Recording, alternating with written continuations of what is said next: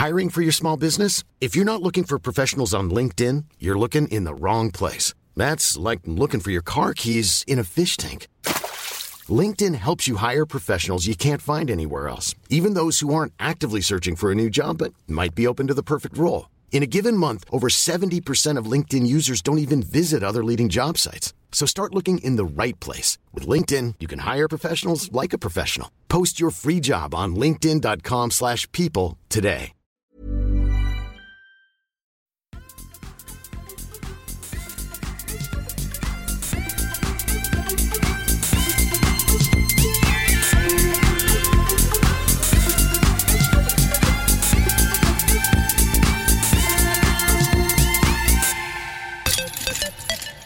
Var det måndag igen och vi är tillbaka i Kedjeuten podcast om discgolf med mig Tommy Bäcke och eh, Niklas Nyman. Eh, idag har vi en gäst med oss eh, som knappast behöver en eh, närmare presentation, men eh, som vanligt så kör vi igång avsnittet med en faktaruta. Jajamensan.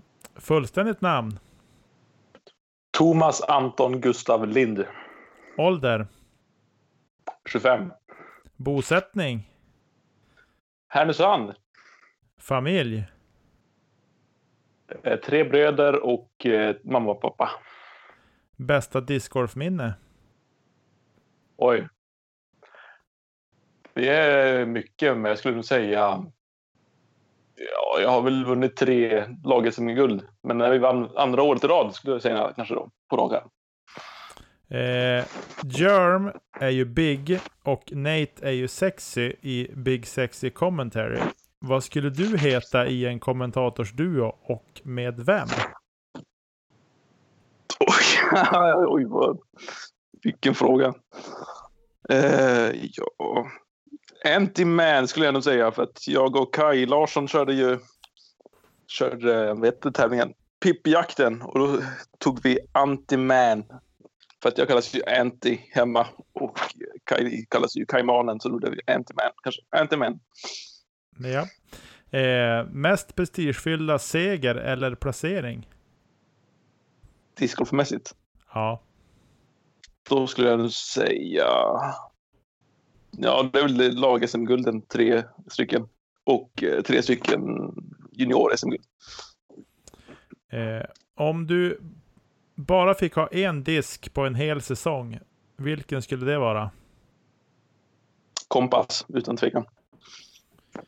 Eh, färgsorterad bag eller huller om buller? Ett jävla cirkus.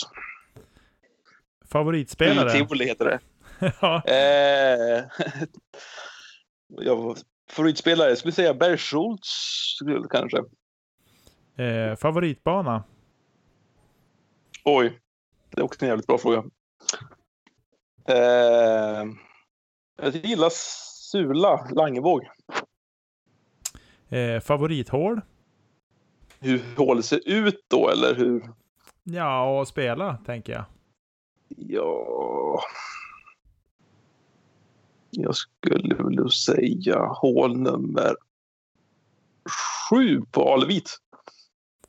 Eh, favorittävling att titta på? Eh, ja, alla säger World, så då säger jag eh, European Open. Eh, Brody Smith, bra eller anus? Ett anus tror jag. Eh, borde discgolfen ha striktare klädkod? Ja, men det tycker jag absolut. Eh, vad skulle discgolf kunna klara sig utan, enligt dig? Eh, upphöjda korgar. Eh, då ska vi se vars vi är. Ditt drömlag, två damer och två herrar. Eh, Juliana Cover, Bigge Lagerholm, Marcus Källström och eh, Jeppe Lundmark. Eh, om du för en kväll fick äta middag och splitta några buteljer med valfri person, levande eller död, vem skulle det vara? Min farfar, Tore Lind. Kul. Har du, har du träffat honom eller är det så att det är någon som du inte har träffat? Han dog för åtta år sedan och han var min största förebild. Ja, jag förstår. Jag kan relatera. Eh, verkligen. Ja, men det var faktarutan. Yay! Då studsar vi in i det här, tycker jag. Absolut. Välkommen till podden Anton. Tack. Kul att ha dig här. Det har Kul att... varit en spänd längtan. För mig i alla fall. Ja, ja kul att vara här också faktiskt. Grymt. Ja. Du, jag tänker lite grann under eh, den här pandemin som vi har framför oss här. Hur har din träning och så där sett ut eh, hittills med har det varit off-season träning eller har det varit mycket discgolf eller hur har det sett ut? Jag har försökt att fokusera väldigt mycket på löpningen faktiskt. Jag har sprungit tre, fyra gånger i veckan kanske. Och eh, sen är det mycket teknikträning. Så det är väldigt mycket träning fast att det nu när det är de förutsättningar vi har så får man göra någonting åt det. Verkligen. Eh, när du pratar teknikträning, har det varit liksom just teknik under drives eller har det varit mycket mängdträning på alltså inspel eller puttteknik eller Ja, du mest- specificera lite mer? Det är väl mest att jag lägger träning på, på ja, men drive-träning, inspelträning, putt-träning. Men det är väl mest drive-träning så att jag försöker lära, träna upp en teknik som ska passa. Eh, Träna på rätt muskelgrupper och allting på tekniken. Just det. eh, men du, du är ju 25 år gammal nu. Eh, Ja. Men du är ju ändå en av de mest erfarna vi har i, i landet. Eh, hur startade allting? Hur kom du in på discgolfen? Jag är uppvuxen i en elitsatsande familj. Min eh, pappa och min äldre bro, bror började ju cykeltävla när jag var typ 5-6 år. Och eh, jag höll på med cykling också. Men eh, la av när jag var väl 11-12 år tror jag. Och då introducerade pappa mig på banan. Och sen dess har jag väl hållit på. Så det är väl 15 år. Det är ju galet. Vad var det för typ av cykling du höll på med? Var det, var det landsväg eller var det mountainbike eller? Ja, mountainbike. Mina, jag har ju tre bröder som är absolut Sverige-elit. Som har kört både VM, EM och allt möjligt. Och mamma och pappa tävlar på högsta nivå också i sina åldersklasser. Häftigt. Ja, det är kul. Cyklar du någonting på hobbynivå idag också eller? Det var faktiskt ganska länge sedan jag cyklade nu, men jag gav pappa min cykel precis nu idag för att han skulle fixa upp den och så kan jag börja cykla till jobbet igen. Jag tycker att det är en underskattad träningsform. Eh, mountainbikecykling. Speciellt om man eh, faktiskt eh, har lite kontinuitet i det. Det är fantastiskt roligt. Ja, det ser ju fantastiskt ut de som kan det. Det går så jävla fort på småstigar och allting. Det är ju fruktansvärt roligt. Jag cyklar ju en del själv, inte så mycket som jag, som jag kanske borde, men eh, cyklar ändå rätt mycket. Jag har en, en, en fulldämpad endurocykel. Eh, och enduro är ju en eh, gans, relativt ny gren inom, inom mountainbike. Eh, sådär. Inte för att jag håller på med det, men jag, jag kom över den här cykeln till en bra peng och, och sådär. Och det är ju fruktansvärt roligt att, att trampa på efter stigar och ut, framförallt utför är det ju mest roligt såklart. Eh, uppför och, och, och det bränner i låren, det vet jag inte om jag tycker att det är så roligt faktiskt.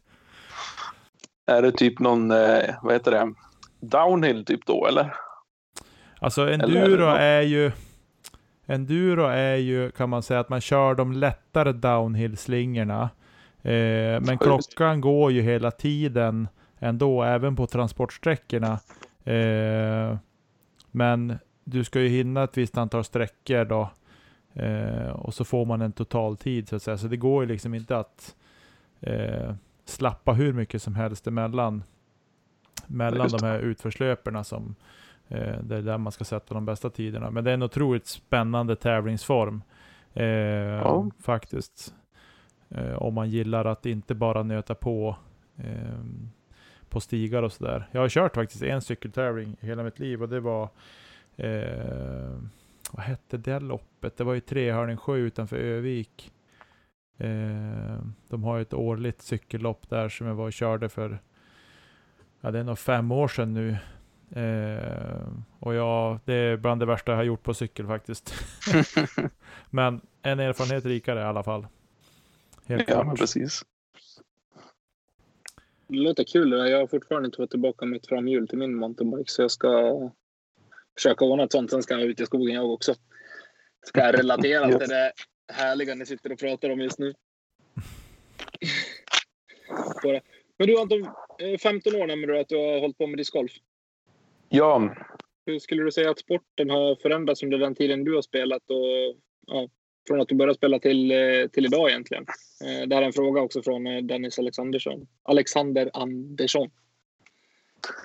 jag skulle nog säga att eh, visst, diskarna har ju blivit stabilare. Hur har det ändå blivit på min lilla tid ändå. Så. Men eh, ja, svårt att säga. Jag var ju så pass liten när jag började spela så det var en bra fråga. Vad skulle jag säga? Ja, men det är väl att det har blivit mer snabbare diskar kanske. Vad säger du om uppmärksamheten? Om man säger både medialt och eh, bland människor. Ja, ser man någon, ser man någon liksom förändring i hur, hur snabbt sporten växer eller vilka, vilka typer av människor som, eh, som börjar spela discgolf och vilka som börjar tävla och vilka som väljer att inte tävla? Men det, om man säger tillbaka på typ tio år tillbaka så var ju Finland väldigt, väldigt litet. Och det har ju växt som fan, det vet som många vet. Men de hade ju inte alls många banor bara för tio år sedan. Nej. Men eh, sen har det blivit jävla uppskjut därifrån. Så det är ju fantastiskt roligt. Och jag tror att vi kan se någon liknande förändring i Sverige, att det kommer få en samma boom med banor. Om kanske inte bara klubbarna sköter om utan att det kanske är mer eh, om man säger länsägda banor och kommunägda banor. Ja, jag hoppas ju på det, men då gäller det att vi tar tag i det också. Det är så, det vore ju kul att kunna få något underlag på det där just nu när sporten har sett ut som det gjort senaste månaderna egentligen i hela Sverige när det är fullt i princip på varenda bana och kunna få Ja, det hade nog varit nyttigt att ha haft ett underlag och kunna visa kommunen att det kanske faktiskt behövs en satsning på det. Mm. Verkligen. Helt klart. Fantastiskt. Jag tror att vi som, jag tror att Discord Sverige måste, måste nog kliva fram och kanske även få in folk i kommunhusen faktiskt, tror jag. Eh, för att kunna eh, få kommunerna att, att driva banorna och, och hela den biten liksom. Eh, Vilket jag tror, jag tror att någonstans ändå eh, så tror jag att det bästa kommunen kan göra är att tillhandahålla mark. Eh, jag tror ändå att det måste finnas en klubb som, som sköter om banan och liksom utvecklar Ja, banan. en drivmedel. Ja. Exakt. Jo. Men du Anton, du är ju en av få som har deltagit i ett VM eh, i discgolf som junior. I alla fall från Sverige, inte en av få i, globalt sett, Mm. men, men från Sverige. Eh, hur var den resan och, och liksom eh, hur påverkade det dig som person och som discgolfare? Så det måste ju ha varit en ganska stor grej ändå, tänker jag, att åka iväg på ett VM som junior. Ja, det var fantastiskt roligt. Mycket erfarenheter. Man hade ju inte spelat så många banor som var så tajta tidigare. Så det var ju kul att komma till liksom extremt tajta skogshål och som upphöjda korgar som var extremt höga. Och man var inte så hög precis själv då, så det var lite kul. Då. Men just att få den erfarenheten att spela på andra banor, träffa nytt folk och ja, att bara... Att... Eh, vad ska jag säga? Det är just den där erfarenheten att spela på större tävlingar. Det gör att man blir bättre också. Så att När var det här och vart var det du var någonstans när, på junior-VM? det var 2011 på Rochester, New York. Just det. Det måste ju vara häftigt att åka dit då som... Hur gammal var du då? Du måste ha varit 16 då? När du Ja, dit. 16-17 år. Ja. Ja. Nej, det var roligt och jag spelade inte så jätte, jättebra men jag hade ju en klubbkompis med mig, Kaj Larsson, och han lyckades ju vinna sin klass så det var ju extremt roligt. Ja. Häftigt. Ja, duktig Kaj. Ja, absolut. Men annars just på VM, hur, finns det någonting där som vi kan lära oss av i Sverige? Även om det var ett junior-VM, finns det någonting liksom turneringsmässigt som man borde kanske ta vidare i, i Sverige i upplägg och som event om man säger då? Har vi någonting att lära där i Sverige? Ja, men det är väl att... Eh, vad ska jag säga? Nu tappar jag orden. Men var det liksom, var det, jag tänker organisationen runt hela det eventet.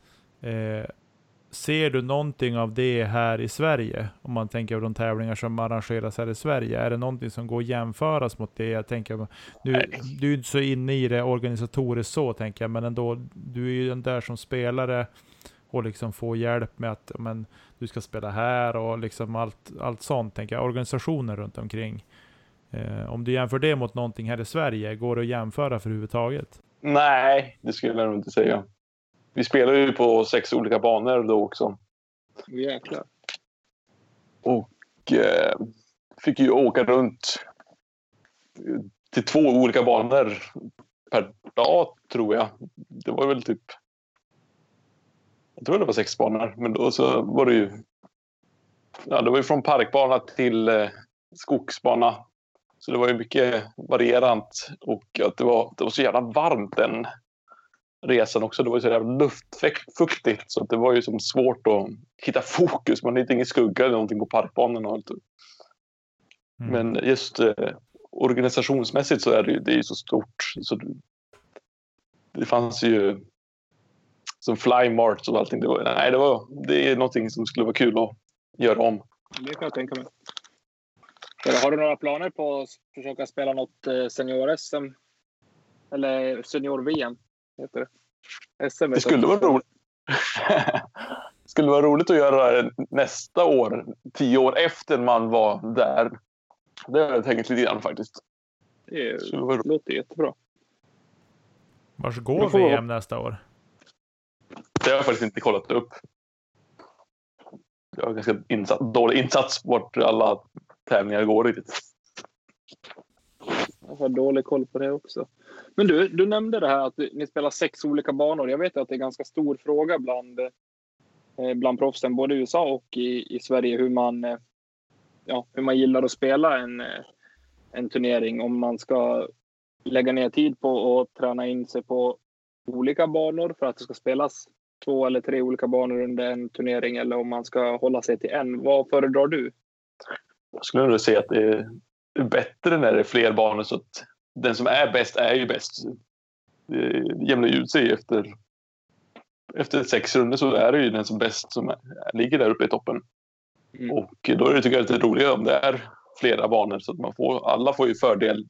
Någon som är bra på en skogsbana, någon är bra på en parkbana. Ja, så det är, men ändå den som är bäst som lägger, får, blir bäst när den efter alla runder. Det sätts prov på alla ens, eh, ens eh, specialiteter och eh, styrkor i spelet om man ord. Ja, precis. Vad tycker du Niklas? Eh, jag tycker att det låter som ett superspännande upplägg att man, man eh, för som nu har jag aldrig spelat någon tävling som har sträckt sig över eh, flera dagar så. Utan jag har bara spelat de som har varit två runder på en dag. Men jag tänker att för när man spelar som vi spelar nu på Norrlandstouren till exempel så kan man ju, när man spelar samma bana två varv eh, oftast, så mm. kan man ju, man kan ju lära av misstagen från första rundan så att säga. Eh, att andra rundan ska jag inte göra det här, jag ska inte göra det där och liksom lite så. Eh, men jag tänker sådär på ett VM, då, då blir det liksom, du kan inte förändra någonting eh, till nästa runda, för då är det en ny bana. Eh, så på så vis tycker upplägget är intressant. Det är just ett kastmässigt som man kan justera lite mer. Som, ja, men mina inspel var lite korta, då kan jag ju som försöka trycka till dem lite bättre till nästa runda. Eller puttningen, den var lite vek så då kan jag bara putta lite bättre. Ja, precis. Så, så försöker jag nu för tiden. Kanske också lättare att kunna justera mer generella saker. För jag menar, du spelar ju ett hål bara egentligen en gång per runda. Eh, medan ja. man puttar betydligt fler gånger eh, under en hel runda. Så det kanske är lättare att justera någonting i en specifik del av sitt spel eh, än att kanske bara justera någonting på ett hål eh, på samma bana. Då. Eh, på det. Så jag tror att det finns flera olika synvinklar och aspekter på det. Sen beror det självklart på hur man känner själv också både tidsmässigt och kunna spela in sig på, eh, på flera olika banor och kunna få in rätt antal träningsrundor och så också. Precis. Grymt. Men du, 2015 var det va? Som jag eh, fick äran att följa med dig och eh, Robin Willman på frisbee-VM var det i Norrköping. Ja, precis. Eh, och där har du ju faktiskt eh, ett VM-guld ifrån. Ja, Vill du berätta lite om det? ja, det kan jag väl göra. Jag håller ju på med, inte bara discgolf, jag håller ju på med med, nu var det länge sedan jag höll på med det, men nu, det är ju som en, typ en massa, det är som en, nu vet jag inte hur många grenar det är, men det är typ en sjukamp av frisbeesporter. Mm. Från precision till, eh, vad heter det, en som heter diskaton. Då ska du springa runt en hinderbana på kortast tid, kasta runt hinder och eh, sen har du som en disk du ska kasta upp i luften. Ska den ligga i luften så länge som möjligt måste du fånga den med en hand. Så räknar du hur många sekunder disken har varit uppe i luften. Och sen en del av samma gren fast en liten annan vers- variation. Det är att du kastar upp den i luften så ska du springa så långt du bara kan och sen ska du försöka fånga den också. Och så ska du mäta hur många meter du har sprungit. Just sen är det ju längd. som du pratar om är ju extremt jobbigt alltså. Jag har provat det, Ja. ja. men det är... Åh, herregud. Blodsmak i mun. Ja, något. Men fortsätt. Vad har vi mer? Sen har vi ju längd, kasta så långt som möjligt. Sen är ju discgolfen med där också, men det är, som, det är inte samma prestige att vinna just det discgolf-VM i citationstecken nu då. Mm. Men eh, sen har vi ju Freestyle Ja, precis. Fristil. Då ska du försöka trixa med disken. Och sen det- sitter några som dömer hur du gör. Någon som dömer vad du, om du har tappat disken. Någon som dömer om hur snyggt du gör det. Och sen så har vi ju DDC. Det här är jättesvårt att förklara, men det är två stycken spelare på ena sidan, två stycken på en annan sida. Sen har du som, hur långt är det nu? 17 gånger 17 meter. En ruta som är 17 gånger 17 meter. Sen har du ju som ett dött fält då, som är ja, runt 15 meter kanske. Sen har du en till ruta. Och så ska du ju, man serva. Och så ska man ju försöka låta den andra laget tappa disken i rutan. För om de tappar disken i rutan så får ju den som har gjort det poänget får ju ett poäng. Och så kör man ju först till 21. Och så får man inte ha två diskar i samma bo då. För då blir det dubbelt poäng. Det är så här Ja, jättestressande. Ja, precis. Jättestressande, men det är hur kul som helst. Ja, det, det är roligt. Jag har sett några killar som har spelat där på ängarna förra sommaren. Eh, och det såg ju otroligt roligt ut, så jag var tvungen att kolla upp det lite grann på YouTube. Eh, och det verkar ju faktiskt fantastiskt roligt. Måste jag säga. Ja, det är hur kul som helst. Jätteroligt. Men du, eh, längdkastningen här då på, på frisbee-VM, vad var det för typ av eh, frisbees? Eh, var, det typ, var det typ Ultimate eller var det en annan typ av frisbee eller hur såg de ut? På längdkastning så kör man med golfdiskar. Men annars är det som de andra grenarna så brukar man köra med en Ultimate disk eller nå, någon, vad heter de, Zephyr eller någonting. Så att det är lite mer frisbeeaktigt. Ja, just det. Men hur gick det på, hur gick det på längdkastningen då? Den lyckades jag vinna. Seniorklassen faktiskt till mig också. Men det var ju inte optimala förhållanden så då fick man kasta rätt långt. Jag har för mig att det var regn och eh, sned motvind just under finalen. Så det var inte så jätteroligt men det gick, det gick vägen. Ja, det var... Det var kallt och det blåste. Eh, minns Mm. också. Mm. Men det slutade någonstans... Var det 175 meter? Ja, jag tror det. 175 eller 176 typ. På det. Och det var väl i störst kamp med någon kanadensare. Jag kommer inte ihåg vad han hette nu. Men eh, En, tai en Taiwan-spelare var det till och med. en Taiwan-spelare var det till och med. ja. Den såg man Yes. inte komma. Nej, Nej. han var liten och kastade jättelångt. Ja, jätteexplosiv var han.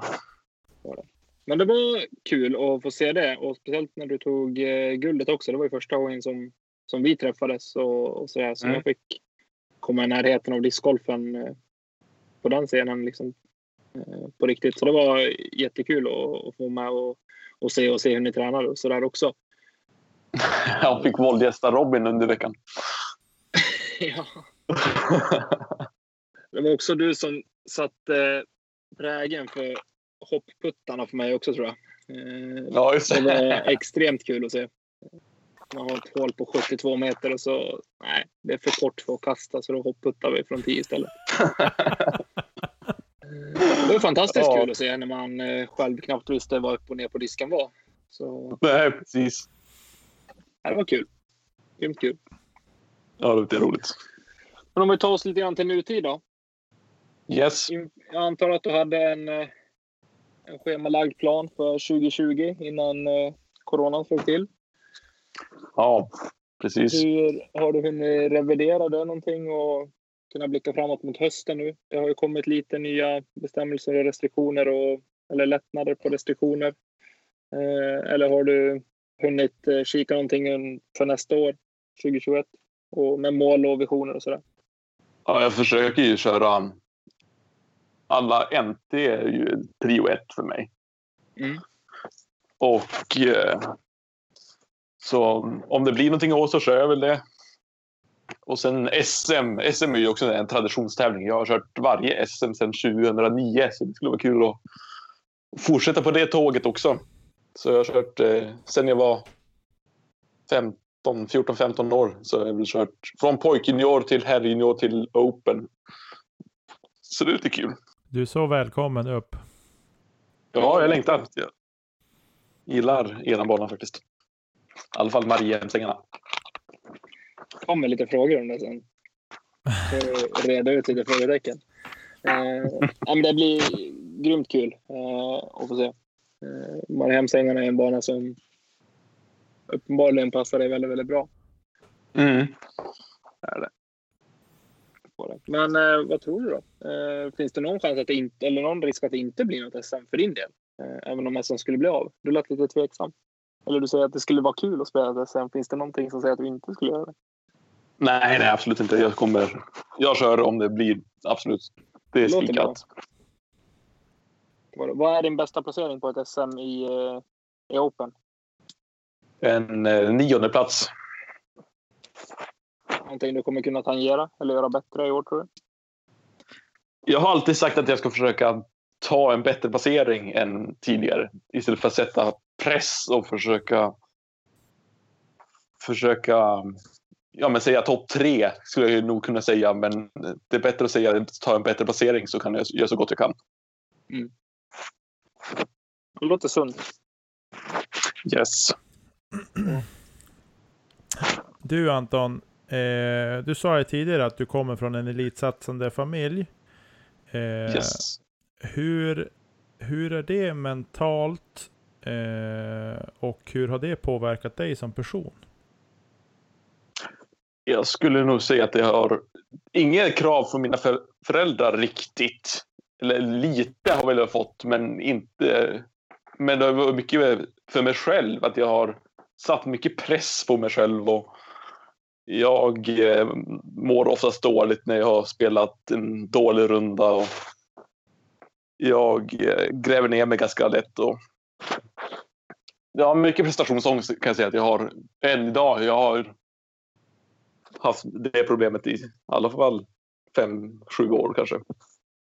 Mm. Speglar det också när du, när du spelar bra? Eh, för det upplever jag i alla fall att man kan se när du har gjort en bra prestation. Eh, att du ofta har lätt att rida på den vågen också. Eh, så bilden jag har är att även om det har gått dåligt och att du kan liksom, det kan spegla dig eh, ganska tydligt som, som person så kan det också spegla väldigt tydligt när det har gått bra.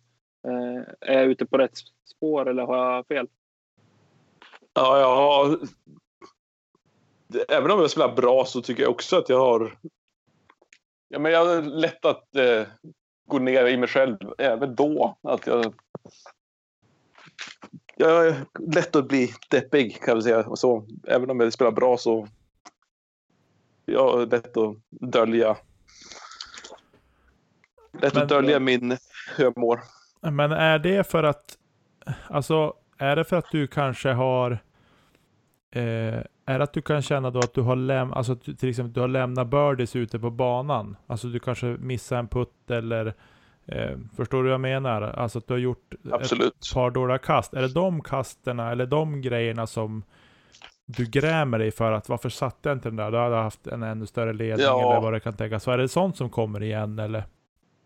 Ja, lite, men inte alls så. Det är väl mest att jag får mycket, känt senaste åren att jag har mycket press utifrån också på andra spelare och sånt. Som när jag vann, ledde i Kalmar för två år sedan så ledde jag med sex kast efter första rundan i, på en av nationella touren. Och sen året efter så gjorde jag, jag kanske, vad kan jag ha gjort, sex kast sämre än vad jag gjorde året innan när banan var ännu svårare. Och då fick jag ju som innan, och det var ju ännu svårare 2018 kan jag säga. Mm.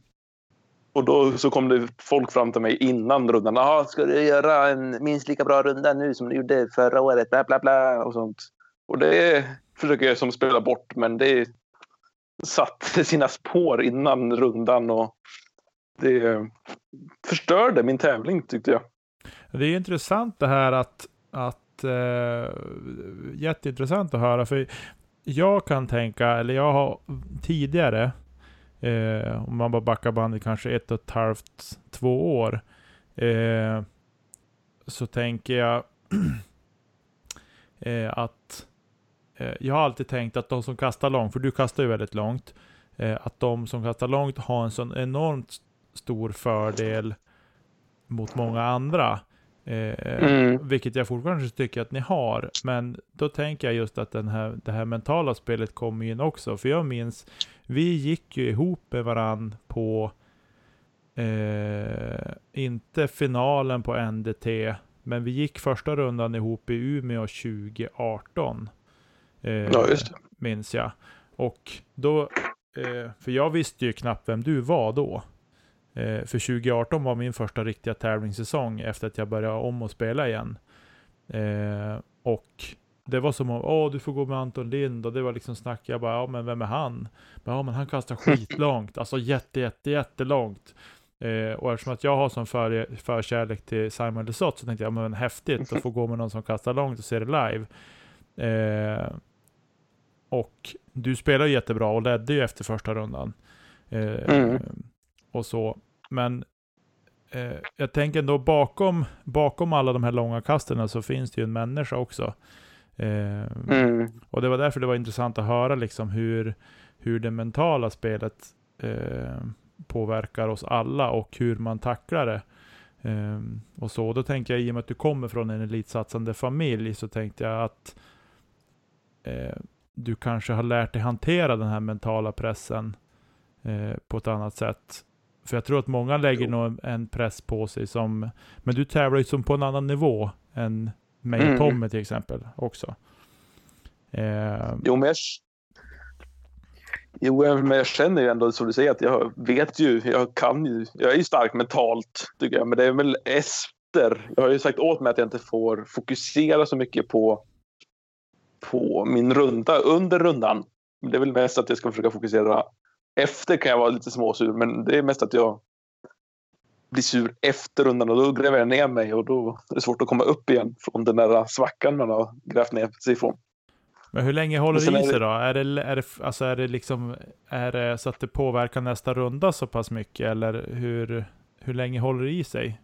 Ja, det är väl... Kan, det under rundan är det ingenting och efter rundan kan jag gräva ihop mig. Men till nästa runda så har jag väl typ släppt det. Men då är det nästa runda efter det som jag gräver ner mig på. Men då, jag sitter ju oftast efter en runda och sitter med ett anteckningsblock och sitter. Ja, men vad gjorde jag för fel nu? Hur kan jag göra bättre till nästa runda? Och eh, gå igenom sånt. Och eh, men det är, ju som, eh, det är mest på kvällskvisten. efter man har kört det klart första dagen till exempel. Då, då kan jag vara rätt sur och deppig. Att jag vad fan, hål två, varför gjorde jag inte som jag tänkte? Och, men ja, om vi säger så. Mm. Just det. Nu ploppar upp en fråga hos mig som jag tappar lika fort också.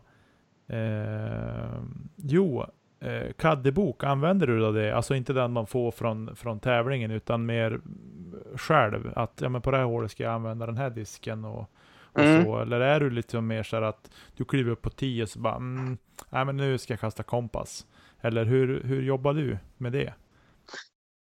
När jag kommer till en ny bana så kastar jag väl först det diskar jag tror ska passa för just det hålet. Och sen så på kvällarna så går jag igenom banan i huvudet och då sen tar jag fram en bok som jag har och eh, skriver vilken disk, vilket kast, vad ska jag ha för lägst och vad ska jag ha för högst på hålet.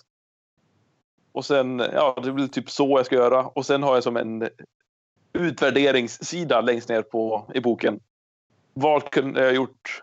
Vad gjorde jag för fel och vad gjorde jag för rätt? Hur kan jag bli bättre till nästa runda? Typ. Så att jag kan typ lära mig mina, mina misstag efter första rundan. Och sen, ja men då vet jag att då ska jag lära mig ta i mer på hål två. För nu kastar jag för kort där. Typ.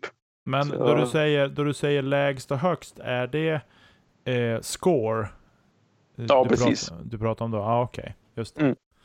Just det. Så som högst eh, får jag göra femma på en par fyra, men jag får inte göra... Och det lägsta är väl en trea, till exempel. Just det. Ja, men eh, otroligt intressant eh, att höra hur, hur ändå en spelare på så pass hög nivå som du är resonerar kring eh, en term. Jag brukar ha försökt ha lite kaddebok, men jag har märkt själv att jag har väldigt lätt att falla ifrån den eh, också. Mm. För att magkänslan säger något annat. Men det är kul att höra från, från en sån som dig också. Hur, hur du tänker och du planerar upp dina runder så att säga inför. Ehm, och så. Tommy, har du någon fler fråga? Nej, jag tänkte bara tillägga det att jag tror att det är väldigt nyttigt att någonstans kunna utvärdera eh, sin runda också, precis som, men, som man gör som fotbollslag eller hockeylag också efter en match. Eh, se vad gjorde man bra, vad gjorde man sämre, vad behöver jag arbeta på till nästa gång. Eh, för att lättare någonstans också kunna lämna det bakom sig så småningom. Eh, Mm. ja, men kunna ta några timmar och liksom bara känna okej, eh, det här var prestationen idag. Eh, och sen kunna släppa det och fokusera på nästa. Eh, någonstans tror jag verkligen att det behövs också istället för att bara rinna av en. Just det. Ja, men du, det var alla frågor vi hade, men vi har ju ett gäng lyssnarfrågor också. Jag tänker att vi tar och hoppar in i det. Ja, Anton, är du beredd på lite frågor som lyssnarna vill ha svar på? Jag kan göra mitt bästa. Det är ganska hett här. Nej, jag skojar. De är ganska snälla. Eh, Jag kan börja med Elina Rydberg har typ tre frågor. Eh, Hon frågar, du som har spelat i stort sett ditt hela liv eh, Vad har du gjort för att hålla motivationen uppe? Eh, Och det här är ju verkligen en intressant grej för, eh, för oss att veta, eh, tycker jag. Jag eh, brukar faktiskt ta med mig tre diskar kanske till banan och sen bara kasta för kul. Ta med mig kompisar som inte kastar alls mycket och bara försöka ha, ha kul på banan och försöka tävla så lite som möjligt. När det inte, ja, men annars, jag vill inte tävla hela tiden. Det blir så. Då vill jag bara ha roligt. Och det tycker jag är en stor del. Att man försöker ta bort tävlingsinriktningen en del. Grymt. Eh, Hon frågar också om du har haft något längre uppehåll i, i din karriär. Nej, det skulle jag inte kunna säga. Har Jag du känt eh, någon har gång väl... att du kanske har varit i behov av det? Jo, absolut. Jag, förra året så blev jag lite deprimerad och då, var jag väl borta från discgolfen kanske i tre veckor. Det är väl det längsta jag varit borta. Eh, sen frågar hon också, känner du fortfarande att du utvecklas som spelare? Absolut, det tycker jag. Jag, eh, som nu när jag springer så mycket som möjligt så känner jag att jag har mycket, mycket bättre fokus. Och eh, att eh, jag får träna på de misstagen som jag vet att jag är dålig på. Då är det bara lägga det fokuset. Så jag tycker absolut att jag utvecklas hela tiden. Häftigt. Du, eh, Peder Boberg undrar, eh, om du inte fick putta med rosa putters, vilken färg skulle du då föredra? ja, det var roligt. ni, de som inte vet så har jag puttat med rosa putters nu i 11 år. Så jag skulle nog putta med lila skulle jag säga då, men bara för att det var Peder skulle jag säga orange. Ja, just det. Vad, vad puttar du med förresten? Har du puttat med samma, samma typ, alltså samma putter också?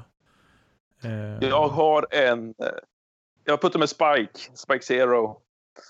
Och jag har en gammal som är kvar sedan 2009 i min bag. Men annars har jag två stycken nyare som jag la ner i min bag för, för fem år sedan tror jag.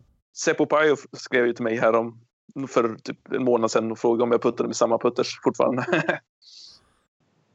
vi spelade ju, junior, spelade ju juniorklassen tillsammans när vi var yngre och då hade jag ju rosa putters fortfarande. Det är ju jätteroligt. Han kanske har någonting att lära av det. Ja, precis. Vad gäller med puttning. Nej, det ska inte vara sånt. Men uh, han är ju han. Ja, verkligen.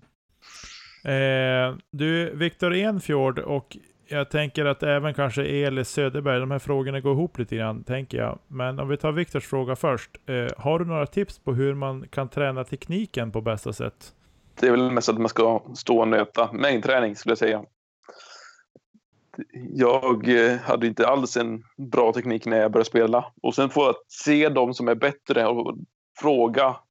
Det är bättre att man frågar än att man inte ser någonting. Mm. Jag eh, var ute och man, Youtube fanns ju inte på min när jag började på samma sätt som det gör nu idag. Så då såg jag ju hela Sverige-eliten, tittade de gjorde, frågade lite frågor. Och eh, ja, det är bara mängdträna, träna, träna, träna, träna. Jag minns, eh, jag vet ju att eh, Paul Macbeth var inne mycket på det att eh, när han tränade som absolut mest, om man håller lite puttning speciellt, så kunde han stå och nöta tusen puttar om dagen bara för att liksom, nöta in muskelminne och så vidare. Medan han nu, liksom när han har blivit den spelare han har blivit, mer tränar på att bibehålla det muskelminnet. Kan du känna igen dig själv i att liksom du har förändrat din träning på det sättet att eh, från att ha liksom skapat dig en god kastlängd till exempel, har du förändrat din träning så att du ska kunna bibehålla den så långt in i karriären som det går? Jo, absolut. Och sen försöker jag fokusera på att inte använda onödiga muskelgrupper som jag sa tidigare. För Effektivisera. Att, eh, ja, precis. Att man verkligen eh, försöker vara långsam och försöker vara snabb i slutet och inte använda för mycket rörelser så att det ska vara så kompakt som möjligt. Använda så hög kraftutveckling som möjligt på så kort tid som möjligt. Ja. Det är lite anatomi kan man. ja. Eh, Elis fråga var så här, tips för mer längd. Jag tänker att det hänger ihop lite grann. Eh, men om man går in mer, för jag tänker teknik, det, är ju, det gäller ju alla kast. Eh, mm. Men jag tänker just längd, eh, längdteknik. Du kastar ju väldigt långt som sagt och vi har ju pratat en hel del du och jag bara eh, om det också. Eh, mm. vad, eh, vad har du där för tips? initialt så att säga. Det kan, vi, det kan ju bli ett helt program bara att prata om hur man kastar långt. Men, men jag tänker lite kort så här. Vad har du för tips? Det gäller att inte... Det gäller att vara snabb, men på snabb på ett bra sätt.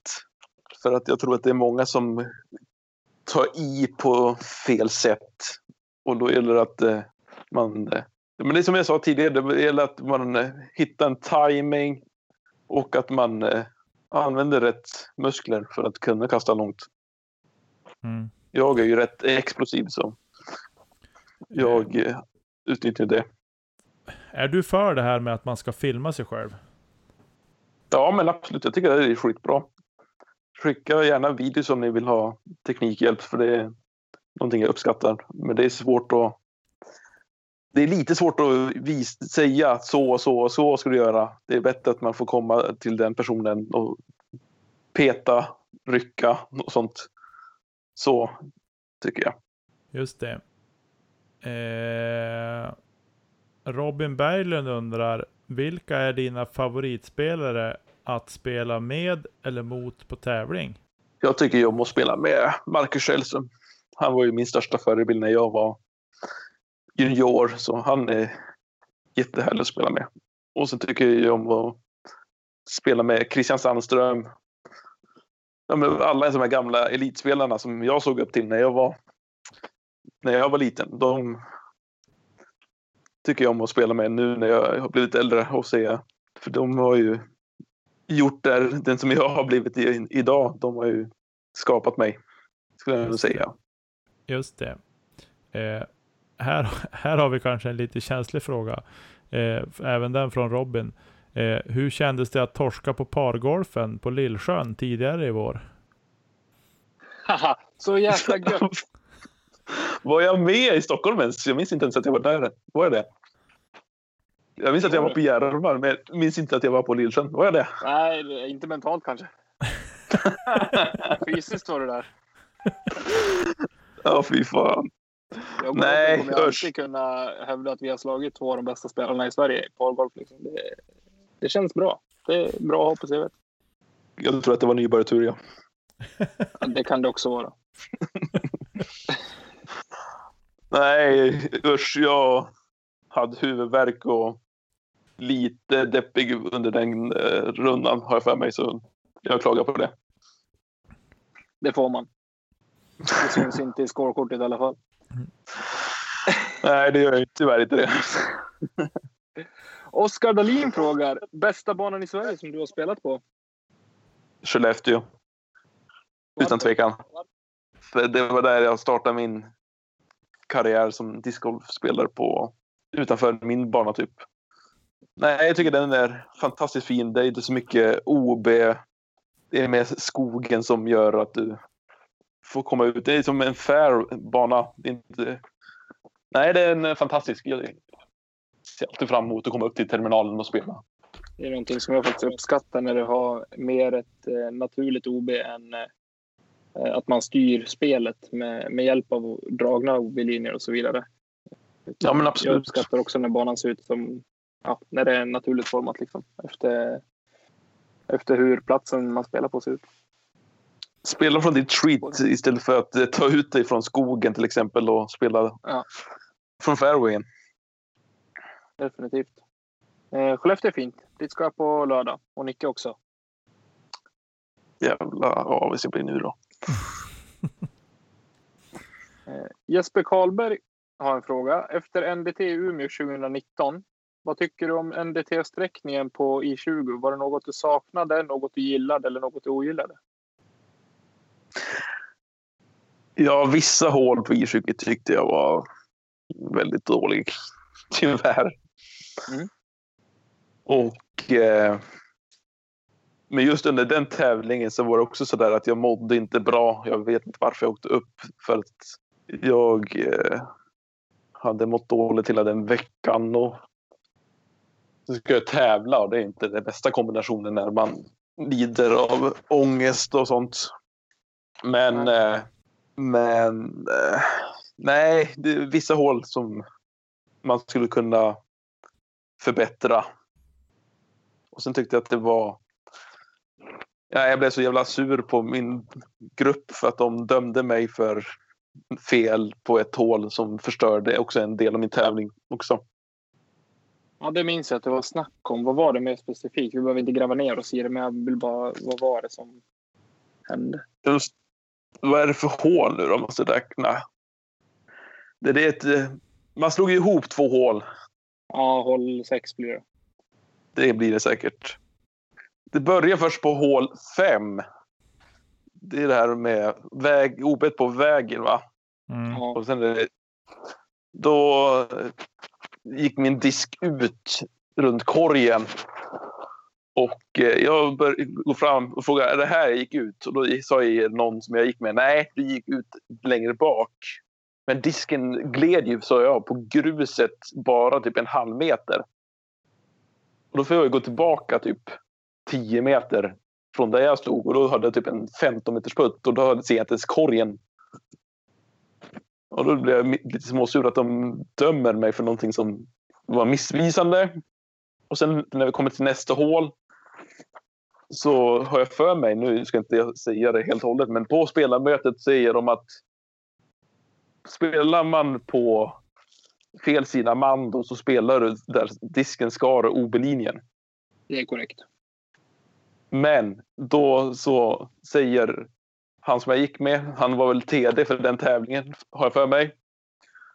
Han säger att jag ska spela om från eh, T, att jag ska köra re-T. Men först, jag blir sur att de eh, dömer mig att jag går på fel sida Mando.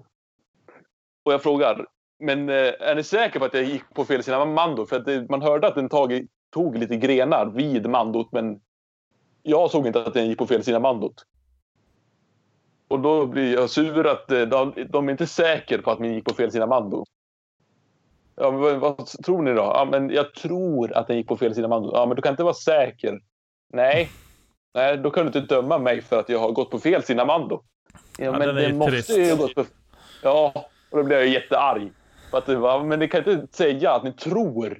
Är ni säkra eller inte? Ja, men då tror vi att det gick på fel sida Mando. Och då får jag köra om från 10 jag är arg som ett bi. Jag tar upp en disk från bagen, slänger bagen in i skogen. och kastar in i skiten på vänster sida. Och sen därifrån så sätter jag, tar jag upp en till disk och bara slänger disken igen. Slänger upp den i korgkanten från ett blint läge. Jag kastar in i första träningen på typ 30 meter. Typ. Och sen därifrån sätter jag den i korgkant för min eh, fyra. Och eh, sen tar jag min femma, sen pratar jag inte resten av rundan med mina klubb... De som jag gick med så snackar jag inte någonting med dem resten av rundan. Nej, usch. Är trist när det blir sån stämning eh, på det. Ja, det var eh. jättetråkigt. I20 kom ju med också på grund av att vi ville, för det var sånt tryck. Det var ju liksom fullt efter 30 sekunder eh, till tävlingen, eller en och en halv minut. Det var det lite olika tider som går. Men vi, vi utökade till två banor för att kunna spela 144 istället för 95. Eh, ja. Så att det... Absolut, så I20 är väl kanske egentligen inte en torbana. Eh, utan vi gjorde liksom... skicket den var då i alla fall. Nej, utan vi gjorde, ett, vi gjorde ett ruskigt snabbt jobb med banan. Vi gjorde ett bra jobb tycker jag. Eh, så, så att vi kunde utöka startfältet. Eh, men den lämnar en hel del att önska ändå, såklart. såklart. Ehm, men det var en intressant fråga eh, ändå från Jesper tycker jag. Ja, definitivt. Absolut. Det är ju som feedback eh, behöver vi också. Jag tycker eh, att det är helt rätt att de ställer sådana här frågor också. För det är nyttigt för oss som jobbar med banan och som planerar tävlingar också i framtiden. Ja. Och då ska det jag håller med få... Niklas. Vad sa du? Jag håller med Niklas. Jag håller med Niklas där också att det inte är riktigt en tävlingsbana. Jag tycker mer att det kan vara en rolig bana att gå runt och gå runt med sina kompisar typ på banan. Men, men en tävlingsbana skulle jag inte säga att det är riktigt. Eh, Pelle Ljung undrar eh, vilket är ditt favoritsnacks att ha med på banan för att hålla energin och fokuset på topp? Samt vilken disk från någon annan tillverkare hade du velat ha i din bag? Första svaret på frågan skulle jag nog säga att det är torkade aprikoser brukar jag gå runt med faktiskt. Det tycker jag är... Jag vill inte ha någonting som ligger kvar i munnen när jag ska kasta. Som choklad eller någonting. Det fungerar inte för mig. Så Nej. torkade aprikoser tycker jag är klockrent. Med russin eller någonting. Så där torkade saker tycker jag om. Ja. Och eh, svar på andra frågan skulle jag nog säga. Ja, nu har inte jag kastat så mycket diskar från andra andra företag. För nu har jag varit sponsrad av Latitude i tio år. Så jag har missat mycket diskar som har kommit ut och allting. Mm. Det är en A2, garanterat. Den där jävla A2 alltså. Tack Anton. Ja, high five. ja, Destroyer kanske då. Jag minns när man hade de där uh, första Destroyerna. Eller Excalibur kanske. Jag vet inte. Bra fråga. Mm. Vad har du som, om du ska kasta, liksom när det är, blir riktigt långa hål, vad är det du plockar fram då? Är det en Ballista Pro eller? Ja, det är det. Jag brukar ha någon insliten som jag kan lägga mycket heiser så du får jobba själv. Och sen har jag alltid en ny som jag får lita mer på när det blåser lite mer. Mm. Eh, kastar du rollers någon gång? Ja, då och då, men det är inte att jag är duktig på det precis. Nej. Vad och, rollar du med då? Antingen en, eh, ballista, en vanlig ballista. Eller så har jag en Ballista Pro som är också flippig. Men någon av de diskarna skulle jag nog säga. Ja, just det. Ja, det är häftigt att höra er med, med mycket fart i armen, vad ni väljer för någonting att, att rolla med faktiskt. Mm. Eh, Anders Ankan, han är ju alltid flitig när det kommer till lyssnarfrågor. Eh, Jag har till och med fått använda sitt smeknamn nu för att han är med. tiden. Så han är, då, får man ett, då får man använda eller tilltalas med smeknamnet. Precis. Eh, vilken, eller favoritdisk som du bägar nu? Jag gillar ju kompassen. Jag har ju en fem år gammal kompass i min bag. Och jag kan ju kasta den 130-140 meter spikrakt. Åh, kul! Så det, gillar jag. jag hade en in the bag förra året med Gogish Productions. Och då säger jag att jag kastar längre med min, ballist, eller min, min kompass än vad jag, Linus Karlsson gör med sina destroyers med hästbågar. Så det tror jag stämmer ganska bra. Ingen pik alls där. Det ska Nej, inte alls. lite. Jag gillar trash. Ja.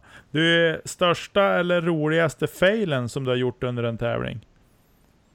Oj, det vill jag inte ens säga nästan. Jo, kom eh, igen. Den får du bjuda på.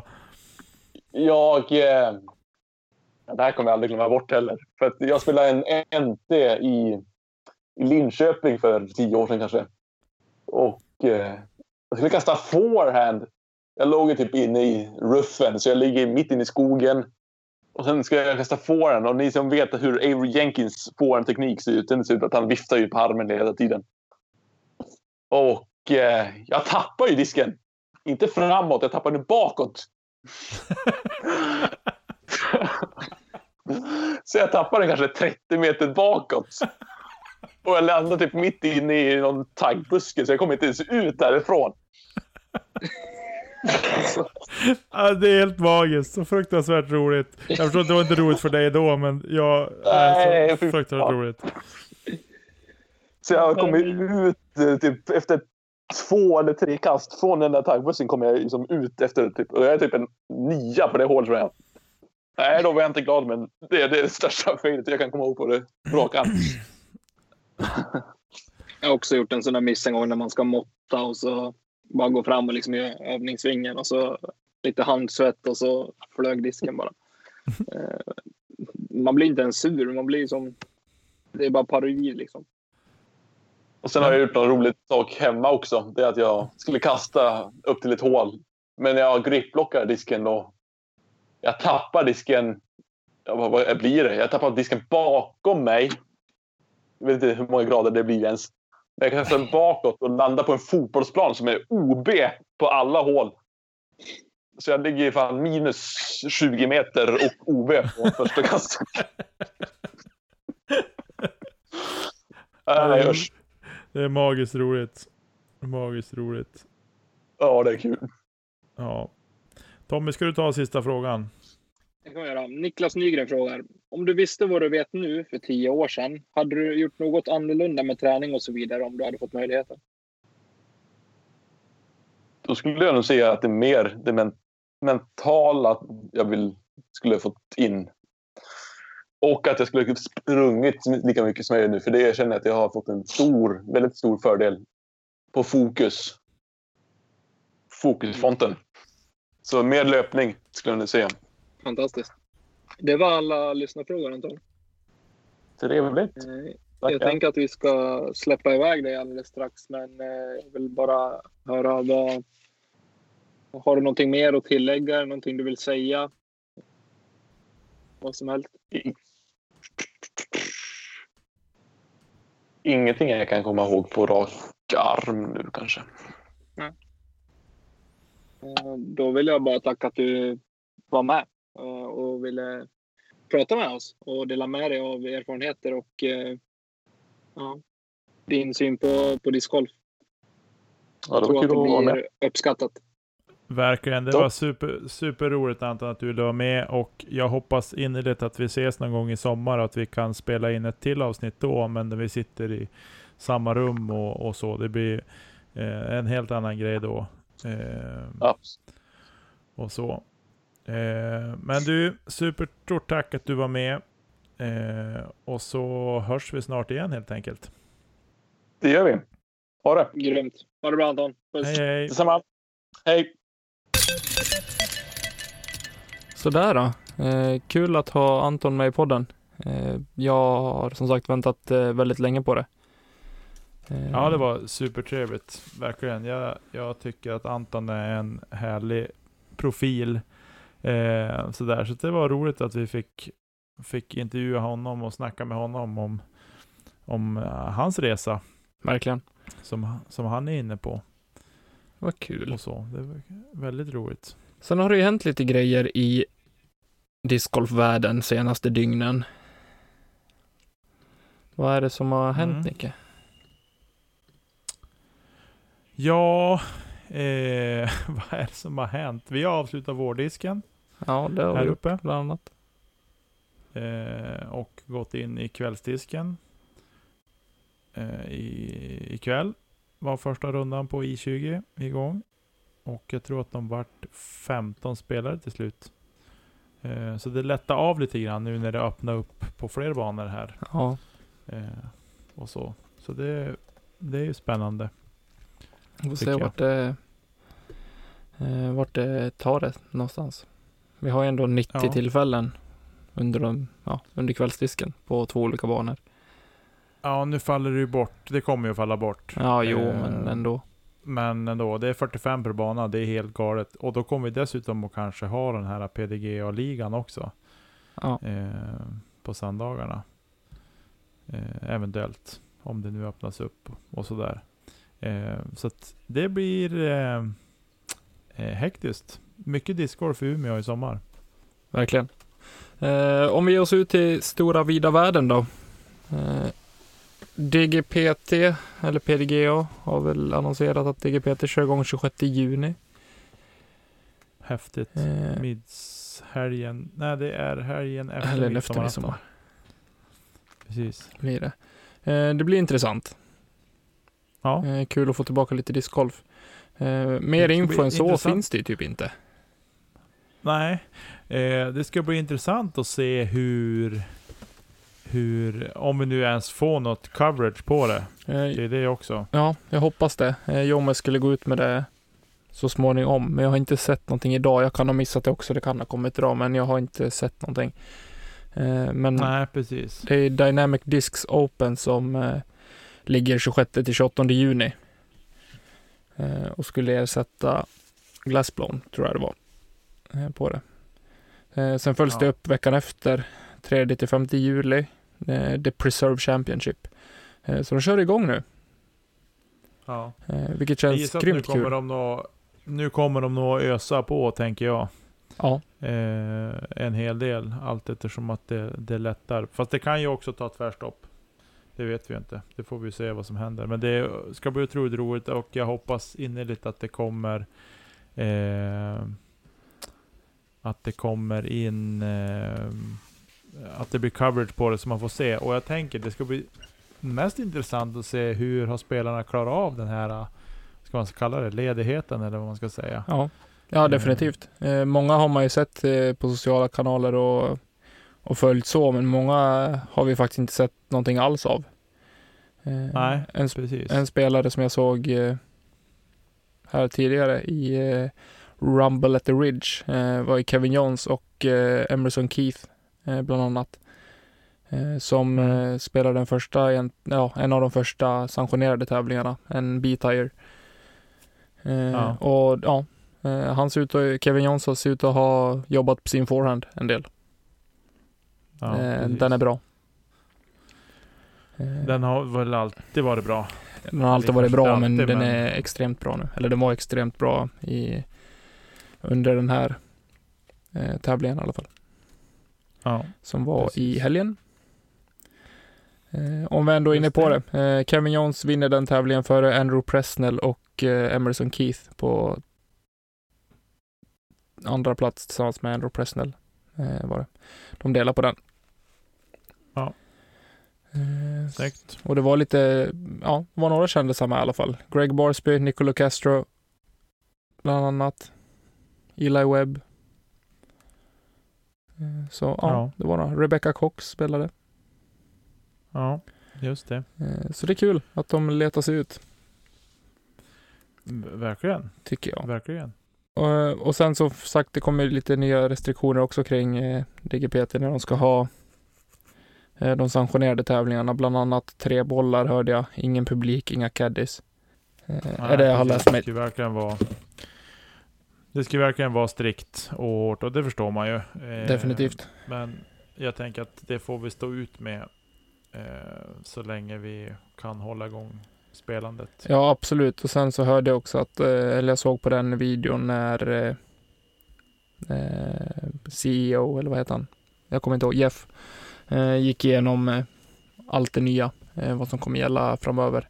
Eh, jag delade också den via våran eh, Facebook-kanal, så vill ni veta mer så kan ni kika på den eh, videon där. Så får ni all information som ni kan tänkas vilja ha. Just det.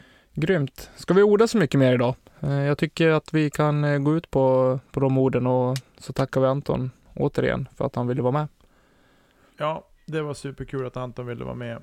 Eh, och så. Nej, men vi tjötar inte så mycket mer. Vi säger väl tack och adjö på återseende. Tack Marcus Linder för jinglar.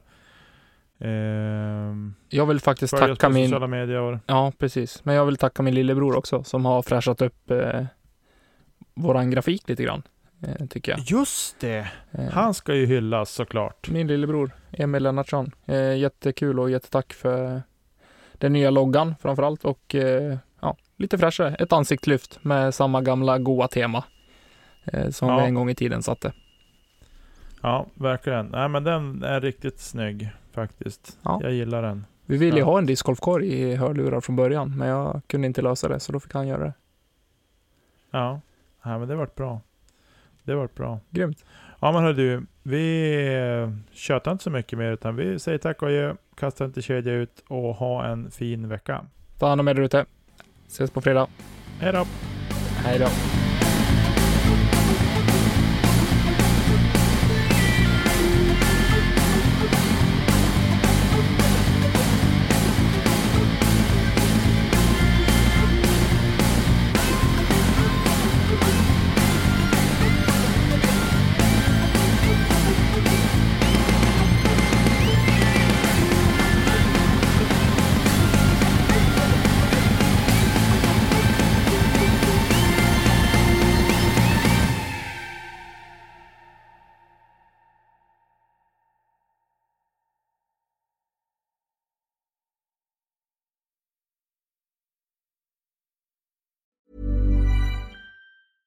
Mom deserves the best, and there's no better place to shop for Mother's Day than Whole Foods Market. They're your destination for unbeatable savings, from premium gifts to show-stopping flowers and irresistible desserts. Start by saving 33% with Prime on all body care and candles. Then get a 15-stem bunch of tulips for just $9.99 each with Prime. Round out Mom's menu with festive rosé, irresistible berry chantilly cake, and more special treats. Come celebrate Mother's Day at Whole Foods Market.